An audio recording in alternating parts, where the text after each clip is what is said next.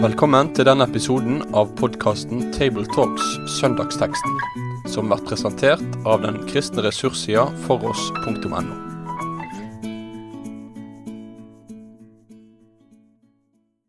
Da skal vi lese sammen eh, det som er prekenteksten for 1. eh, oktober, fra Johannes 11. og Det er en eh, lang tekst. Det er til og med mulig å dele den i to, men vi tar den i sammenheng fordi det er en, det er en sterk og sammenhengende beretning.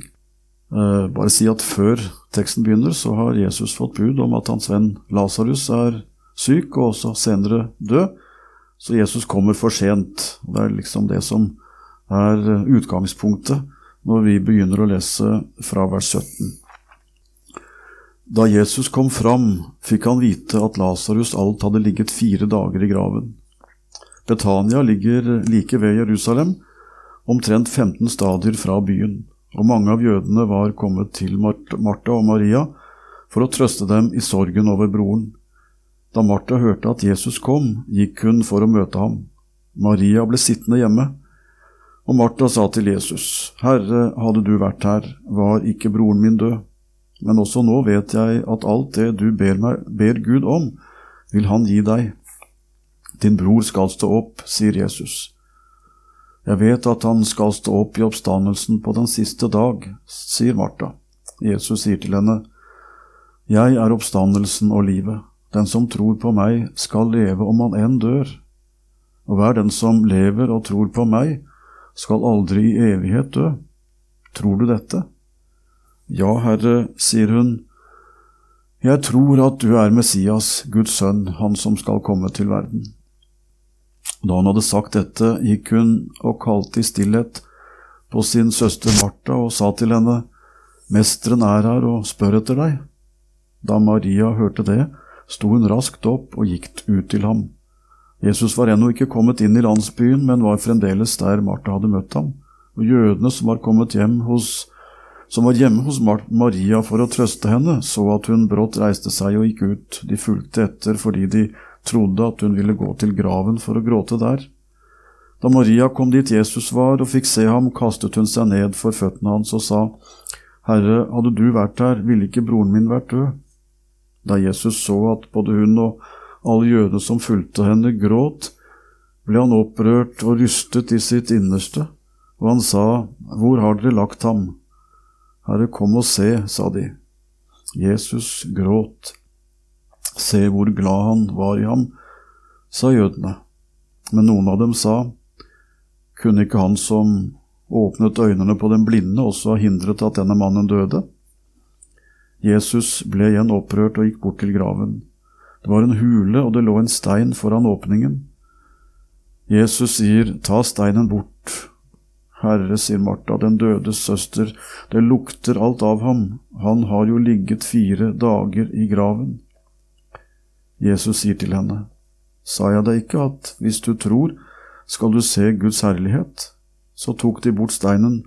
Jesus løftet blikket mot himmelen og sa, Far, jeg takker deg fordi du har hørt meg. Jeg vet at du alltid hører meg, men jeg sier dette på grunn av alt folket som står omkring, så de skal tro at du har sendt meg.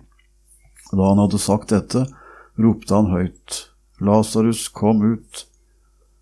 Da kom den døde ut, med liksvøp rundt hender og føtter, og med et tørkle bundet over ansiktet. Jesus sa til dem, Løs ham og la ham gå. Mange av jødene som var kommet til Maria og hadde sett det Jesus gjorde, kom da til tro på ham. Men noen gikk til fariseerne og fortalte hva han hadde gjort.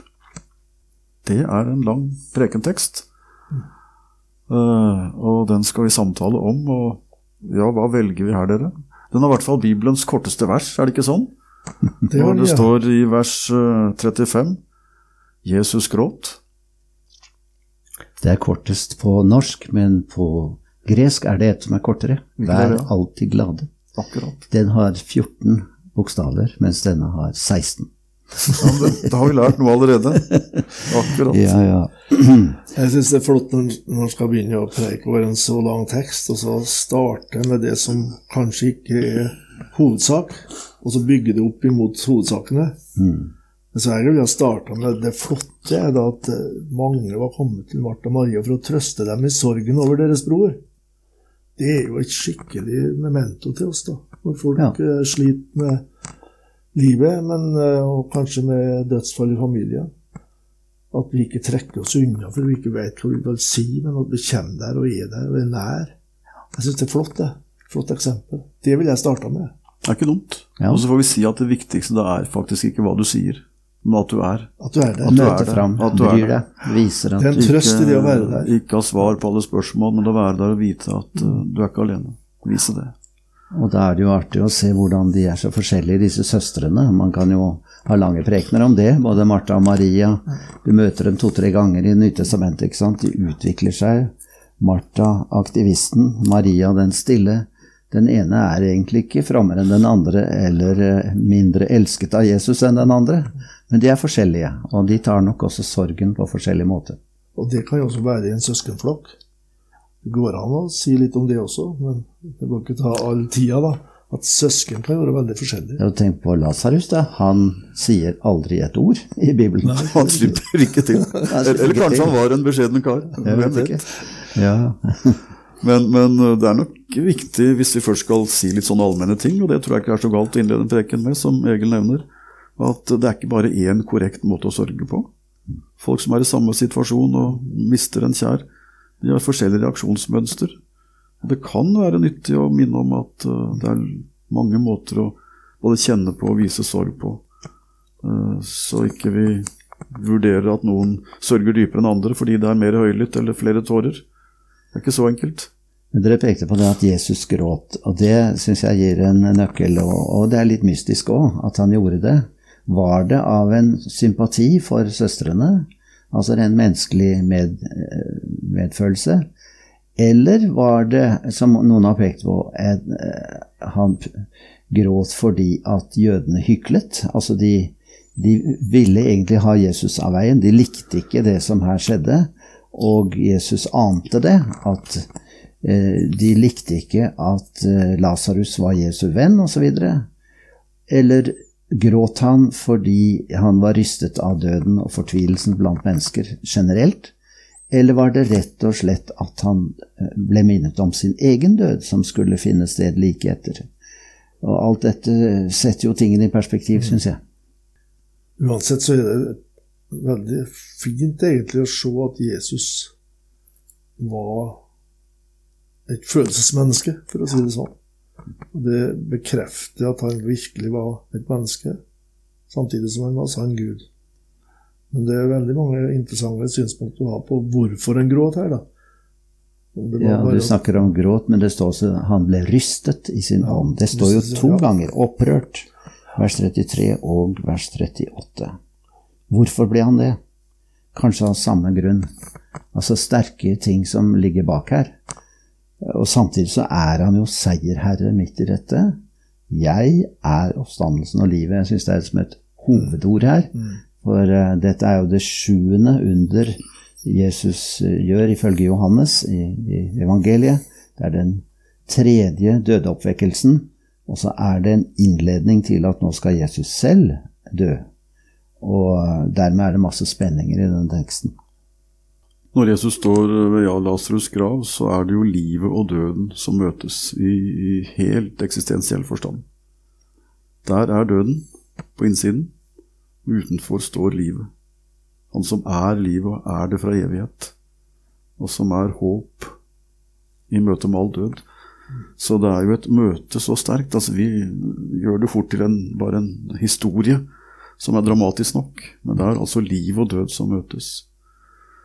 At Jesus da rystes i møte med døden, er jo sånn sett et uttrykk for at han både som Gud og menneske preges av at han møter sin motsetning. Det som han har kommet for å rydde av veien. Døden og dommen og alt det grufulle.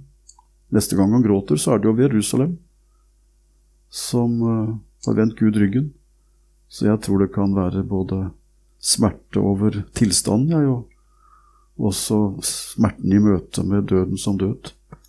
Så det, det kan ligge der på en måte som en tankestiller for oss, det som du tok opp, Asbjørn. Hvorfor gråter Jesus?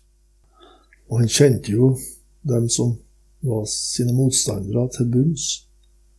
At han visste hva som skulle komme til å skje. For like etterpå her så rådslår de sammen om at de vil sørge for å kvitte seg med Jesus. Det var vanskelig å motbevise det underet her, men nå må vi kvitte oss med han som skaper alt dette oppstyret. Ja, det var jo det de måtte gjøre. For sånn som han opptrer, så nytter det ikke å stoppe han. Og det han kan, det kan han. Så en må få han vekk. Det er den eneste måten, det. Det er jo et moment også dette med at uh, søstrene Det er vel uh, Martha som sier det at uh, han har ligget fire dager i graven. Han stinker allerede. Og har man ligget så lenge i, varmen i Syden, så, så, kan du ikke kjenne igjen ansiktet engang. Så det var så krast, dette her, altså. Og de søstrene var jo da fortvilet at nå er det ingen vei tilbake. Han er død. Men så sier tross alt Men også nå vet jeg at alt det du ber om, vil Gud gi deg. Vers 22. Så det er jo sterkt at troen skinner igjennom der hos Martha. Eh, I møte med dette at det, det nytter ikke. Ja, tenker du at hun, eh, hun lar det være åpent at kanskje et under er mulig? Ja, jeg lurer på det. Hun ikke har en forventning som er et, et uttrykk for en tro som er ganske sterk. Hun delte jo den trua at til slutt så skal vi oppstå fra de døde. Ja. Det som fariseerne også regna med, ut ifra enkelte tekster i Det gamle testamentet, at det er en oppstandelse til slutt. Men at det nå skal skje her, med min bror, mens denne ti- tidsalderen pågår, det var, der var terskelen høy. Ja da, jeg bare ser som det står, altså vers 22. Også nå vet jeg at alt det du ber om, vil Gud gi deg. Det, det ligger forventning i det, men hva hun hadde tro for, det er jo ikke godt å si. Men, eh, men, men jeg, jeg har lyst til å peke spesielt på vers 25 og 26, da. Altså 'jeg er', disse sterke ordene som Johannes evangeliet ønsker å gjengi. Det er jo Javé, det er selve gudsnavnet som trer fram i det. Og Jesus karakteriserer seg selv som oppstandelsen og livet. Og da skal vi leve til tross for at vi dør. Og enda sterkere, vers 26. Hver den som lever og tror på meg, skal aldri i evighet dø. Altså, det er noe med at vi skal ikke smake døden som det forferdelige som her oppleves, men han beskriver jo tidligere her eh, Lasarus er sovnet inn. Altså døden er en søvn. Og søvn er vanligvis ikke så forferdelig vondt og skremmende. Eh, men eh, du, skal dø når du dør i Herren. Eh, så er det noe stort. Og så Derfor viser han både til seg selv, som 'jeg er Gud', og så sier han i slutten av vers 26 'Tror du dette?' Og dette, det er jo ordet som han sier om seg selv. Og det utfordres vi også på. Tror vi på Jesus? Tror vi på ordet om han? Du nevnte at det var sju uh, undergjerninger i Johannes-evangeliet. Uh, ja. Det, at dette var den sjuende? Ja. Ja. Og det er også sju 'jeg er'-ord med sånne bilder etterpå. ja. Jeg er den gode hyrde, jeg er livets brød, jeg er verdens lys. Og her 'jeg er oppstandelsen og livet'. Og alle de bildene som brukes, eller uttrykkene som brukes etter 'jeg er', det gjør egentlig hele vår skjebne avhengig av Jesus. Det er klart det var veldig provoserende for, for fariseerne og de som hørte på. Her gjør han min evige frelse avhengig av mitt forhold til han sjøl. Jeg er, og han framtrer guddommelig. Og skal jeg ha del i det evige livet, så må jeg ha del i Jesus. Det er vel kanskje Johannes av apostlene som, som eh, Det er farlig å si at han går dypest, for det, det er ikke noe konkurranse sånn sett. Men, men han tar oss i hvert fall inn i tematikken med at det skjer noe i møte med Jesus nå, som et allerede. Der tror jeg kanskje Johannes er den som gir flest slike ord. Eh, bladde mens jeg lyttet til dere, tilbake til eh, vers, kapittel 5 hvor, eh, hvor Jesus sier at den som hører mitt ord og tror på Han som har sendt meg, har evig liv, og kommer ikke for dommen, men er gått over fra døden til livet. Altså møtet med Jesus nå tar oss over fra død til liv. Det skjer noe. Vi har snakket om det i en tidligere samtale her. Det skjer noe med møtet møte med Jesus som Gud gjør, og som troen vet, men som ikke er synlig, nemlig at jeg er satt med Gud, med Jesus hos Gud, og dermed så har jeg overvunnet døden. Og Det er denne spenningen som Johannes 11 drar oss enda en gang inn i, at um, Jesus er livet, og sammen med Jesus så er døden en slagen fiende. For Lasarus, han døde vel igjen? Ingen grunn til å tro noe annet. Så han ligger i en grav. Av han er det intet tilbake her på jord. Men han, uh, han er altså et tegn på at vi i troen på, troen på, Jesus er gått over fra død til liv. Så slik så er denne oppvekkelsen også en, en tegnhandling for det nye livet som vi allerede har fått. Vi må snakke litt om det, tror jeg. Eh, jeg prata nylig med en tilhører etter en tale, da, som har merka seg at eh, vi allerede har evig liv. Vedkommende har ikke tenkt over det før. Nei. Og Da var det nettopp Johannes 5, 24, den som hører og tror, har evig liv. Det samme her, da. Tror jeg på Jesus, så har jeg det som gjør at døden ikke er den skremmende. Eh, og så sa vedkommende etterpå, eh, når jeg da siterte dette her Ja, står det i Bibelen, så tror jeg det, sa han. Så flott, da. Mm. det, poenget var vel sikkert det at jeg opplever ikke at jeg har så voldsomt mye evig livskraft i, i, i meg. Men står det i Bibelen, så har jeg del i det. Det er veldig mange fine trekk å ta fram her. Jeg synes på, Når Jesus uh, ber uh, fra vers 41, så løfter han sine øyne, og han sier 'Far'. Altså, det her er jo ting som minner om bønnen 'Vår Far', Fader vår. Og han takker, han er trygg, han, er, han sier 'Du hører meg alltid, Herre uh, Far', og nå trenger ikke jeg preke til deg, men folket må se dette for det viktige er at de kommer til tro. Altså Det skinner en omsorg og trygghet gjennom denne bønnen, eh, i ro og fred. Og så står det i vers 23, så kommer den høye røsten. Tidligere har det vært at uh, i stillhet er det blitt kalt på søsteren Maria 28, men nå roper Jesus med høy røst. Og det var en eh, predikant, han Martin Sandve, som sa at hvis ikke Jesus hadde kalt Lasarus ved navn, så hadde de kommet flyende, alle de døde. Så her måtte Lasarus få ordre nå, og så skal de andre få lov å komme senere. Kom ut! Det er jo veldig sterkt, denne kontrasten. Tryggheten til far, og så den myndigheten som han har. Det har du i, i Salme 33, kommer på nå, der det står 'han bød', og det skjedde. Han talte, og det skjedde. Han bød, og det sto der. Sånn står det. Og det er jo det Jesus gjør her, da. Og det gjorde han stadig vekk ved sine undergjerninger. Han sa kanskje bare to ord. Bli ren. Uh, far ut til onde ånder. Bli still til, til, storm og vind. Talita kumi. Stå ja, opp. Stå opp. Og her, Ja. kom fram. Han talte, og det skjedde en bød, og det sto der. Så det, den guddommeligheten ved Jesus som kommer til uttrykk i det enkle skaperordet, da. Når vi først uh, ser på slike enkeltord av Jesus, så, så tenker jeg vel at uh, det Jesus sier når Lasarus først står der, uh, vers eh, 44, løs ham og la ham gå, det har vel også en rekkevidde utover at vi skal ta av han de linklærne han er svøpt med da han ble lagt i graven. Det, det gir i hvert fall meg en, et utblikk i at eh, her er han løst i den forstand at eh, døden er overvunnet. Døden er overvunnet. Det er eh, ikke bare et tegn på at Jesus har makt, det er ikke bare et liv som har fått noen års forlengelse, men, men her er det en som løser for la oss gå inn i, i det som er evangeliets og nådens frie rom. Og da tenker jeg at vi skal forkynne det ordet til hverandre. Løs ham og la ham gå. Det er, det er et ord også til oss som, jf. sitatet fra Johannes 5, «Kom kommer til tro på Jesus og gått over fra døden til livet. Det er et ord som skal lyde både når troen tas imot, og så lyder det her i særlig forstand når, når en død har eh, blitt vakt til liv igjen, og Jesus har vist at livet er sterkere enn døden.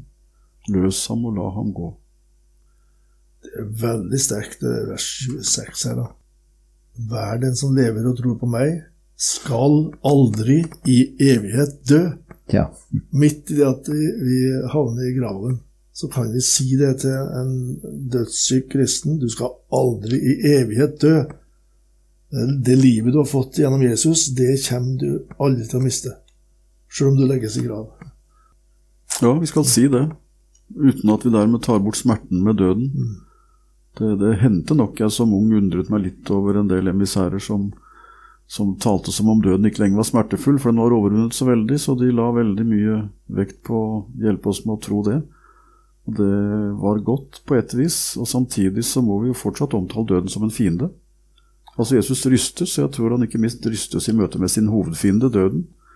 Og Derfor er døden smertefull, pinsom, vond, og den er fortsatt en fiende, omtaler Bibelen den som. Så kontrasten her mellom hva døden faktisk er, og fortsatt er, og at døden har møtt sin overmann, den må vi ikke ta ned ved å tale om den søte død, som litt av også en kristen tradisjon taler om, men først og fremst om at døden har overvunnet fordi Jesus har overvunnet dem. Det er ikke vi som har overvunnet døden, og tegnet på at jeg har seiret over døden, er ikke at jeg redd, ikke lenger er redd for min egen død, at jeg ikke kjenner smerte. Jeg tror noen av våre tilhørere kan sitte med litt sånn dårlig samvittighet for at de ikke er trygge nok i møte med døden. Da må vi si at døden er en fiende. Og det er lov å rystes i møte med døden og grue for den. Da kan det også være godt at du har innleda preika nettopp med fellesskapet når smerten i livet Ja. er så tøff. Så må vi tale om Jesus, for det er i møte med Jesus at døden har overvunnet.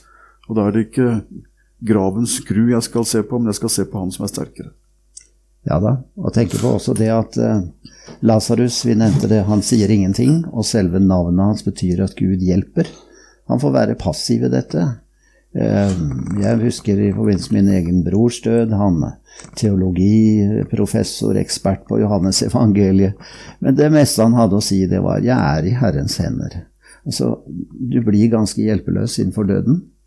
Og Gud hjelper Lasarus. Det er flott å tenke på. Og så får vi andre være opptatt av mange ting og ha sterke følelser. Men uh, den som er eh, i dødens favntak, skal få være trygg. Men som du sier, Svein, så må en jo absolutt tillate forskjellige følelser og, og stemninger, og absolutt ha respekt for de som møter døden på en grufull måte. Ja, og det som har slått meg Nå nærmer tiden seg slutt, ser jeg, men det som har slått meg, og som også, vi så ser eksempler på fra troshistorien, er jo at flere av troens kjemper har slitt i møte med døden. Jeg husker Carl Fredrik Wisløff talte om det en gang. eh, husker jeg, At eh, det virker som om de som den onde allerede har, de lar han være i fred, mens mange av dem som, som lever i troens rom, de, de kjemper i møte med døden. Møter anfektelser og uro. Den siden av det også, som noen opplever. Så det er viktig å være realistisk på vårt møte med døden. Én ting er frykten for dødens smerte og hva veien mot døden vil innebære. Eh, For andre er det kanskje anfektelsen og uroen. Har det noe rett med Gud? Og så blir det også uro i møte med døden, sånn at man trenger noen som kan minne hverandre om at, minne om at Jesus er sterkest. Så vi skal ta litt om disse tingene også, tenker jeg til folk. Jeg har grubla litt på hvilke sanger og salmer som passer i forbindelse med en sånn tekst. da. Eh, Jeg vet ikke, jeg har ikke noe, mange gode forslag, men hvis folk har kunnet de gamle salmene av Landstad, så ville jeg valgt noen av dem. Jeg løfter opp til Gud min sang. Det er en sang om håpet. Når min forløsning stunder til jeg gledes vil. Det skrev Landstad, som da en gang i livet sitt eh, sto ved to barnegraver. Og, og jeg vet med en søvn i Jesu navn, den kveger de trette lemmer. Det skrev han altså, som nettopp har opplevd så mye angst og smerte og nød i sin prestetid. En må, en må få fram spennvidden i dette her òg. Altså det, det, det er tragisk, og det er en fiende, og det er nød og smerte. Men så har jeg et budskap som gjør at jeg kan løfte blikket. Ja, men du, De salmene der, de, de godkjenner vi, Egil. De, de, de vil jeg også ha brukt. De, de husker jeg bruktes mer før. Vi har mistet mye når ikke de synger, så det sender vi frimodig ut også til våre lyttere. Det er to gode salmer. Men da har tiden vår gått, så da samler vi oss i bønn for eh, ikke minst alle som skal forkynne dette ordet nå den søndagen hvor dette er prekentekst. Vi takker deg, Jesus, fordi du seiret over døden. Du er livet. Du har livets ord. Du taler det ord i møte med døden og dommen. Så taler du oss inn til det livet som vi eier i troen, og det livet vi en gang skal få når du gjør alle ting nye. Og nå ber vi om at uh, denne beretningen som vi har lest og lyttet til nå igjen, at den kan holde vår tro varm. At vi kan være trygge, trygge på deg, ikke trygge på at vi ikke skal kjenne angst og uro og anfektelse kanskje også i møte med vår egen død, men trygge på at sammen med deg så står vi sammen med Han som er dødens overmann. Vi ber om å få være der hvor Martha, Maria, hvor Martha og Maria var, ved dine, din side, du som talte døden imot og lot livet seire. Vi ber i ditt navn. Amen. Med det sier vi takk for følget for denne gang. Finn flere ressurser, og vær gjerne med å støtte oss på foross.no.